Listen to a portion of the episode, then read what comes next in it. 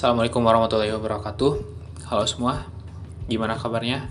Uh, mudah-mudahan kita semua tetap dalam keadaan sehat dan selalu dalam lindungan Tuhan yang Maha Kuasa. Uh, di podcast kali ini saya akan membahas mengenai suatu film dan nantinya saya akan menjelaskan uh, istilah baru apa yang saya dapat dari film tersebut. Kemudian uh, pandangan saya mengenai film ini apakah ada keterkaitan atau tidak dengan kondisi lingkungan dan budaya di masyarakat uh, di Indonesia. Kemudian uh, yang terakhir yaitu pesan yang terkandung dalam film ini dikaitkan dengan planning obsolescence. Baik, mungkin langsung saja. Mudah-mudahan dari apa yang saya sampaikan pada kesempatan kali ini ada ilmu yang uh, bisa kita dapat uh, bersama-sama.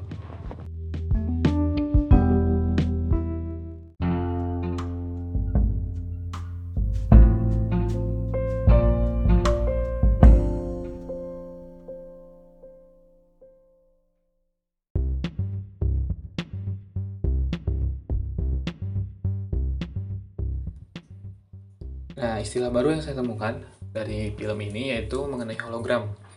Nah, di mana hologram ini uh, adalah produk dari teknologi holografi yang terbentuk uh, dari perpaduan dua sinar cahaya yang koheren dan dalam bentuk mikroskopik.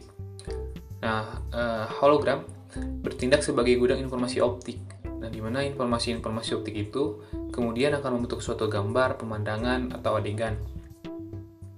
Nah, hologram merupakan jelmaan dari gudang informasi atau information storage.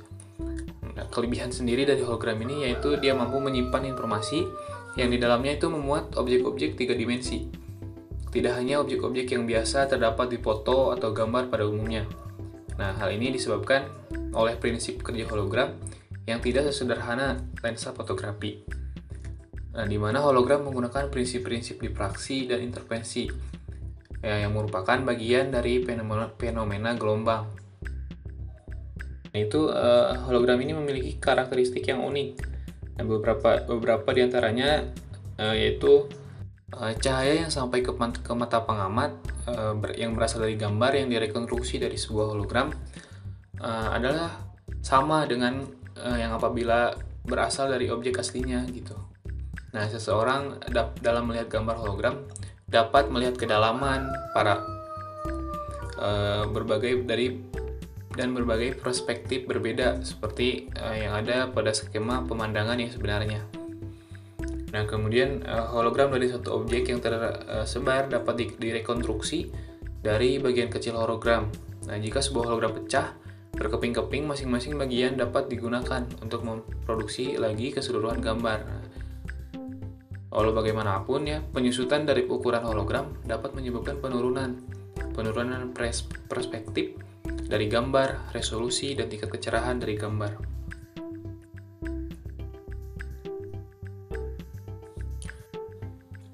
Dari sebuah hologram dapat direkonstruksi dua jenis gambar. nah, itu biasanya gambar nyata dan gambar maya. Nah, kemudian sebuah hologram tabung dapat memberikan pemandangan 360 derajat dari objek. Kemudian uh, lebih dari satu gambar uh, independen yang dapat disimpan dalam satu plat fotografi yang sama. Nah, di mana dapat dilihat dari satu persatu dalam satu kesempatan. Nah, selain dari istilah baru yang saya dapatkan uh, dari film yang telah saya tonton, nah, ada keterkaitan juga dari film tersebut dengan kondisi lingkungan dan budaya masyarakat uh, Indonesia gitu. Nah, dari karakter dalam film tersebut ya, uh, dia tuh memiliki loyalitas tinggi terhadap pekerjaan dan berjiwa sosial gitu. Selalu berusaha melakukan yang terbaik demi kepentingan bersama. Nah, juga dalam film ini mengingatkan uh, bahwa kita uh, sebagai apa ya makhluk hidup itu uh, berkewajiban gitu untuk menghargai alam. Karena dengan menghargai alam pada hakikatnya kita tuh menghargai diri kita sendiri uh, manusia membutuhkan alam sebagaimana alam membutuhkan manusia untuk menjaga, memelihara dan uh, melindunginya.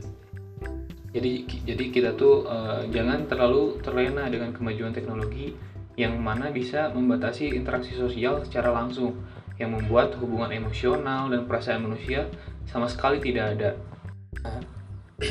Jadi jangan uh, terlalu bergantung gitu kepada teknologi yang uh, sudah canggih lah gitu sekarang. Ya yang bisa membuat manusia itu uh, malas bergerak dan berpikir gitu sehingga membuat fisik kita menjadi rusak. Nah, melihat bagaimana uh, kepekaan dan kepedulian masyarakat kita terhadap lingkungan, uh, menurut saya masih bisa uh, dibilang rendah gitu ya. Karena uh, masih banyak masyarakat yang mengabaikan kebersihan lingkungan, terutama dalam mengatasi masalah sampah begitu. Tidak sedikit orang yang masih membuang sampah sembarangan, uh, seperti membuangnya ke sungai gitu. Nah, hal ini tuh bisa menyebabkan uh, tidak sedikit orang yang masih uh, membuang sampah sembarangan gitu ya. Seperti uh, membuangnya ke sungai gitu. Nah hal ini menyebabkan uh, nah hal ini bisa menyebabkan kondisi alam terutama sungai menjadi tercemar gitu ya. Ditambah pada musim penghujan seperti sekarang saluran pembuangan menjadi uh, tersumbat gitu. Sehingga mengakibatkan banjir gitu ya. Nah, untuk meningkatkan kepedulian masyarakat terhadap lingkungan, Eh, menurut saya pemerintah juga harus eh, memberi sanksi tegas gitu ya kepada masyarakat yang mencemari lingkungan tersebut gitu. Tidak hanya itu, pemerintah juga uh, harus menyediakan lahan untuk melakukan reboisasi gitu. Khususnya reboisasi tanaman gitu ya, tanaman yang bisa menyerap air dengan cepat gitu. Nah, sebagai warga negara yang baik, tentu kita juga harus bekerja sama gitu dengan pemerintah untuk menciptakan uh, lingkungan yang bersih dan terbebas dari, dari sampah. Nah dari uh, film ini juga ada pesan yang yang dapat kita ambil gitu ya. Uh, seperti kita tuh harus peduli terhadap kepentingan orang banyak gitu. Kemudian uh, ada uh, kita tuh harus menghargai alam dan tidak terpaku pada teknologi yang bisa membatasi interaksi sosial secara langsung. Nah, dari pesan uh, dari dua pesan itu kita bisa menelaah lebih jauh gitu ya bagaimana cara kita menjaga alam dan juga mementingkan yang dan juga mementingkan banyak orang gitu. Nah, lingkungan yang sehat akan memberikan dampak yang baik pula bagi kita sendiri gitu ya. Nah, saya di sini akan apa? mencoba menjelaskan itu bagaimana cara kita menjaga alam kita gitu ya. Saya ambil contoh dari film ini aja, dari film yang saya sudah tonton ini ya, dari Wali. Wali. Terlalu banyak sampah menyebabkan bumi kita menjadi kotor dan tercemar gitu ya. Nah, lebih baik jika kita bisa mengubah sampah yang tidak terpakai menjadi sebuah benda yang berguna gitu dan diminati banyak orang. Nah, seperti e, misalnya plastik kopi gitu ya. Kan kita itu bisa merubah gitu ya. Plastik kopi itu bisa kita daur ulang lagi bisa menjadi tas, bisa jadi tapak meja gitu ya. Apa atau e, botol aqua gitu. Bisa kita jadikan sebagai pas bunga, celengan dan e, banyak lah ya. Kemudian ada senok plastik gitu. Itu juga bisa dijadikan sebagai lampu hias gitu. Nah banyak lah uh, yang bisa yang kita lakukan dari uh, sampah gitu ya. Daripada kita membuangnya sembarangan itu lebih baik kita manfaatkan lagi untuk uh, sesuatu yang bermanfaat bagi orang banyak gitu ya mungkin itu saja ya dapat saya uh, sampaikan gitu ini sekedar apa ya sharing aja mungkin apa yang uh, saya bisa ambil dari film ini.